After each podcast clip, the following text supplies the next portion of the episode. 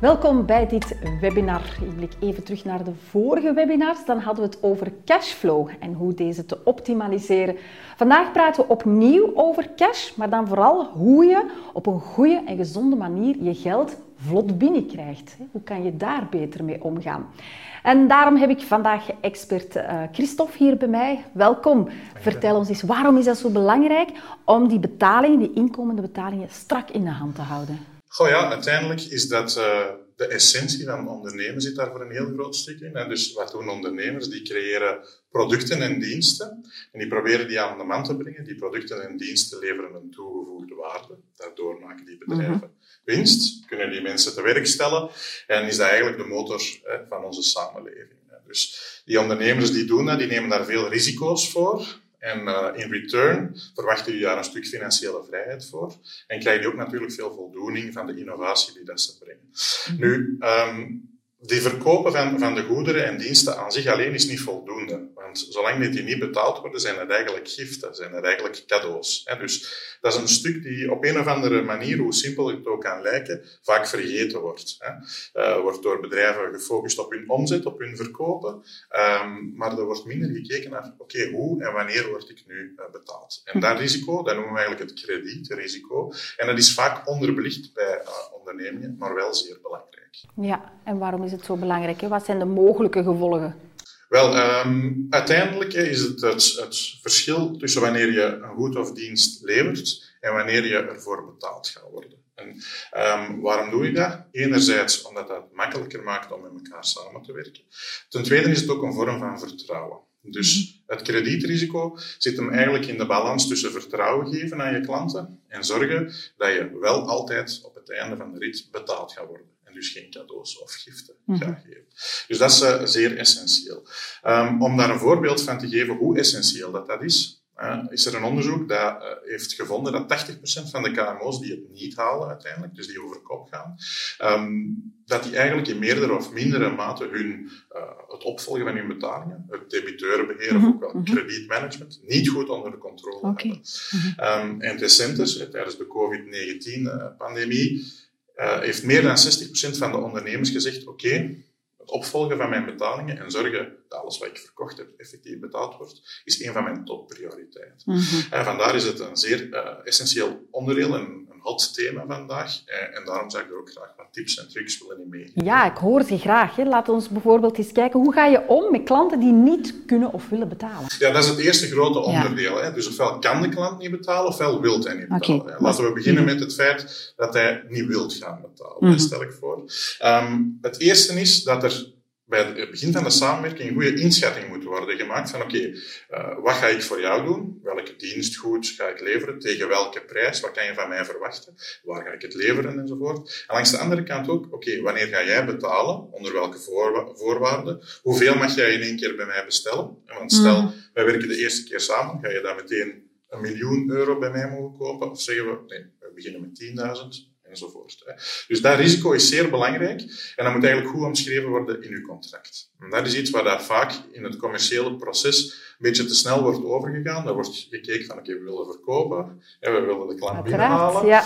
Maar langs de andere kant is het ook heel belangrijk dat je gaat stipuleren en gaat afspreken, oké, en wanneer ga je mij dan uh, betalen? Dus mhm. dat is, dat is eh, echt een van de meest uh, belangrijke punten om mee te starten. Ten tweede wil je het eigenlijk zo gemakkelijk mogelijk maken voor je klanten om te kunnen betalen. Je wilt eigenlijk hindernissen die dat er zouden kunnen zijn, gaan wegnemen. Wat zijn die hindernissen dan? Wel, bijvoorbeeld, um, klachten is een heel veel voorkomende hindernis. Dat kan zijn, uh, de prijs is niet juist op mijn factuur. Of mm -hmm. de dienst of goed dat je mij hebt geleverd was eigenlijk niet van de kwaliteit dat ik heb verwacht. Um, maar er kunnen ook nog vele andere zaken zijn. Nu, dat gebeurt, dat is normaal. Maar het is eigenlijk het oplossen van die klachten dat heel belangrijk is om snel betaald te worden. Als jij een mhm. klacht hebt, um, dan ga ik tegen jou zeggen, oké, ik ga binnen drie dagen dat voor jou in orde maken, dan is dat opgelost, kan jij betalen mm. en onze excuses daarvoor. Als je dat niet binnen drie dagen doet, maar pas binnen drie weken, ben ik er vrij zeker van dat jij niet tevreden bent. Ah nee, ik ga niet betalen zolang het probleem niet opgelost is natuurlijk. Voilà, dus dat is echt uh, een essentieel onderdeel. Uh, niet alleen om van iets negatiefs iets positiefs te maken en te investeren in je klantenrelatie. Uh, maar ook gewoon uh, op lange termijn om te zorgen dat wij een goede verstandhouding met elkaar ja. Ja, het gaat ook over uh, met respect omgaan met elkaar. Ja. Maar ik ken wel ja, de weerstand om een klant die je wil behouden, natuurlijk op zijn vingers te gaan tikken van hé, ja. ik moet nog betaald worden. hoe link je dat dan ook wel aan klantenrelaties onderhouden? Ja, uiteindelijk is, is het heel raar dat, dat een, een goede opvolging van je betaling ook uh, een, een, serieuze verbetering in de samenwerking mm -hmm. kan zijn. Ja, dus bijvoorbeeld, uh, net dat, die klachten gaan oplossen, is iets dat je goed moet over communiceren en eerlijk naar elkaar zijn, de verwachtingen goed scheppen, maar ook de onderliggende oorzaken gaan oplossen. Als jij elke keer moet zeggen, ja, je hebt mij, ik heb 100 uh, items bij jou besteld, maar je levert er altijd maar 97. Dan op de duur gaat het ook niet goed zijn dat ik dat binnen drie dagen heb opgelost voor jou. Mm -hmm. Dus onderliggend moet je de, de, oorzaken gaan aanpakken om die relatie en eigenlijk je, je diensten en, en de mm -hmm. ervaring tussen elkaar te gaan verbeteren. Mm -hmm. um, ten tweede is het ook zo dat, ook weer een heel uh, simpel voorbeeld, maar tijdig, correct en vaak ook op een makkelijke manier uw facturen gaan maken, is ook heel essentieel. De layout van een factuur wordt heel vaak als, als iets heel voor de hand liggend uh, uh, gezien, maar dat is het effectief niet. Uh, de klant moet direct weten, ah, die factuur komt van X of van Y. Daar staat dat op. En ik heb hier de details die willen zeggen dat het zo en zo is verlopen. Als dat allemaal al duidelijk is, gaat het veel makkelijker voor de klant zijn om die factuur te gaan betalen. En dan een onderwerp dat tegenwoordig zeer belangrijk is, Um, zeker in COVID-19-tijd is, hoe ga ik die factuur tot bij mijn klant krijgen? Ja, want de post uh, is trager. Mensen hebben een beetje angst om de brieven nog open te gaan doen. Ja. Dus het is het moment om digitaal zaken gaan aan te bieden, om te zorgen dat de klant de factuur ontvangt uh, op, een, op een manier dat hij of zij het liefste heeft. Dus dat is ook heel essentieel. Um, is het ook belangrijk om in kaart te brengen welke facturen staan nog open? Welke klant is een moeilijke betaler geworden? Ja. Is dat ook belangrijk? Uiteraard. Hè. Dus, dus als je die zaken al goed doet, dan wil je eigenlijk het betaalgedrag van je klanten proberen in de gaten te gaan houden. Dat klinkt voor de hand liggend, maar is niet zo, uh, niet zo makkelijk. Een van de zaken dat je zeker goed op voorhand uh, wilt doen, is je wilt een, een, procedure of een proces maken waaruit je kan afleiden welke de, de gevallen zijn die jouw aandacht uh, verdienen. Eigenlijk de mensen die goed betalen, daar wil je niet naar kijken of, of mee bezig zijn die relatie zitten goed. Je wilt eigenlijk weten, oké, okay, dit zijn uh, de klanten waar ik mijn aandacht moet op vestigen.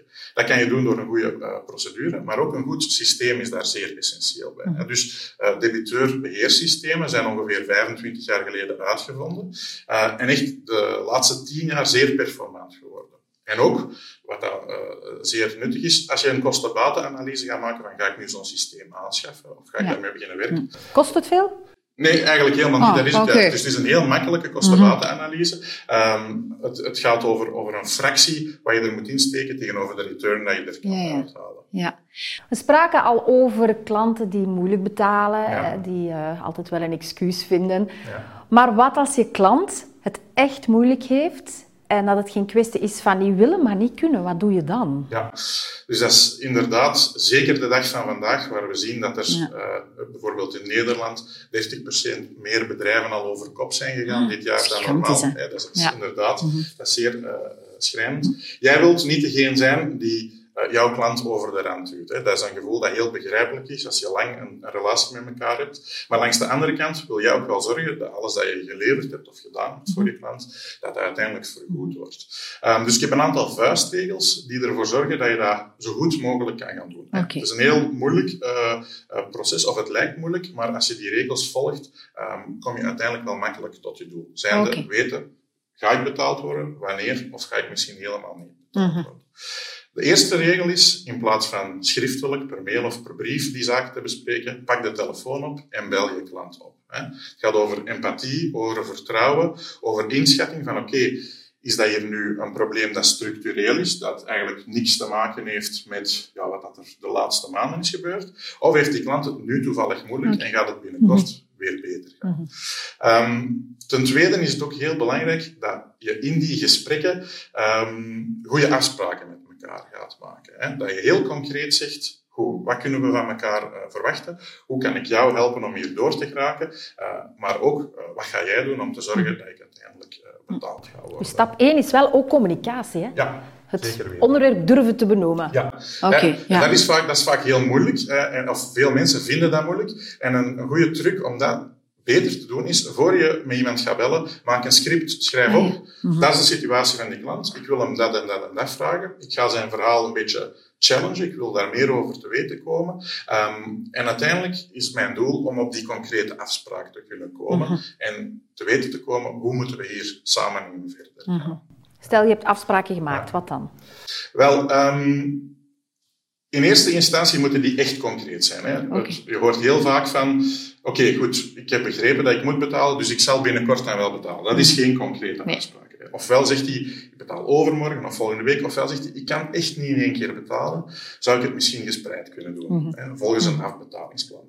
Als je daar zou toestaan, is het ook heel belangrijk om die eerste betaling niet te lang uit te stellen, niet te ver in de toekomst te zetten. Je wilt Mhm. eigenlijk in constante dialoog kunnen blijven met je klant. Dus dat is zeer belangrijk. Ten tweede is, die afspraken die je maakt, dat je die ook op papier zet. Want wij hebben een gesprek, maar als we straks dat gesprek eh, aan iemand gaan vertellen, ga je twee verschillende versies daarvan krijgen. Mhm. En uiteindelijk wil je wel weten, wat is de essentie, wat is er afgesproken, wat verwachten we van elkaar. Dus zet dat dan ook op papier. Mhm.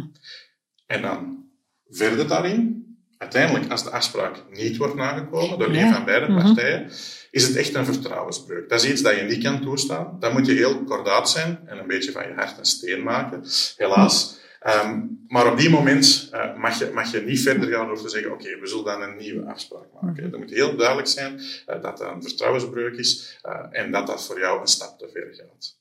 En eigenlijk een stap te ver, dat kan veel zijn, maar in heel veel gevallen is de laatste stap, als het echt niet meer goed komt, als je het gevoel hebt van, ehm, ja, de klant maakt mij hier misschien iets waar, iets wijs, of ehm, de verhalen komen niet overeen, het is altijd iets anders, Mhm. ik heb er geen vertrouwen meer in, is dat overdragen aan een juridische partij. Mhm. Hm, Dat is niet leuk, maar het is wel heel essentieel dat je daar niet te lang mee wacht.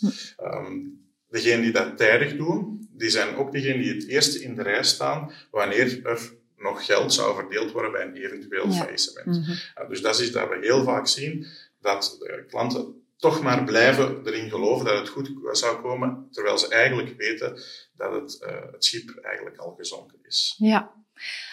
Laat ons hopen dat dat niet Ja. te veel voorkomt natuurlijk. Hè. Eh, Proactief daarmee bezig zijn.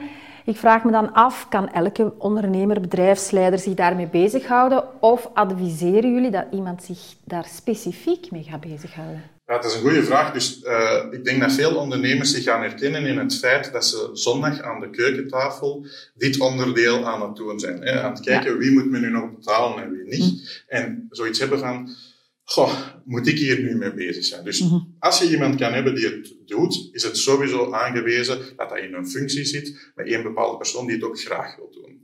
Nu, daar Ja. zit ook een probleem Mhm. in. Want die personen zijn niet zo makkelijk te vinden. Hè? Want je moet enerzijds empathisch zijn, anderzijds wel goed kunnen analyseren wat dat de situatie is. Ehm, en je moet ook ja, toch een, een, zekere vorm van confrontatie niet uit de weg durven Mhm. gaan. En dus vandaar eh, is, is het zeker een goede oplossing als het mogelijk is om iemand daarvoor te zoeken. Langs de andere kant, wat we zien dat zeer populair aan het worden is en ook heel goed werkt, is dat bedrijven dit eh, uit handen gaan geven aan partijen die daarop georganiseerd zijn. En ze zeggen vanaf nu gaan jullie die opvolging voor ons Ja. doen, in naam van ons bedrijf. Mhm. Maar wij hebben een goed systeem, een goed proces. En wij hebben hier de mensen die dat graag doen en goed doen, klaarzitten. Dus we zien dat meer en meer ondernemers daarvoor gaan. Uh, ook omdat als je daar in een soort business case gaat gieten, dat dat ook heel veel uh, steek houdt. Waarom? Ondernemers kunnen veel meer goed doen voor hun bedrijf als ze aan het ondernemen zijn, uh, dan wanneer ze bijvoorbeeld zondag aan de keukentafel met die zaken bezig zijn. Ja. Ja. Dus dat is inderdaad mm -hmm. een zeer belangrijk punt. Ja, en het is misschien ook een oplossing als je zelf die bad guy niet wilt zijn, dat je dat kan doorgeven aan iemand anders. Zeker ja. Oké, okay, heel erg bedankt. Graag Ik denk gedaan. dat uh, duidelijk is ja. dat het strak beheren van ja, de, de, goede opvolging van betalingen, dat dat gezond is hè, in een bedrijf, als dat goed gebeurt natuurlijk. Inderdaad. Dankjewel alvast. Volgende keer zijn we terug en dan kijken we naar het belang van reserves aanleggen. Dus heel graag. Tot dan.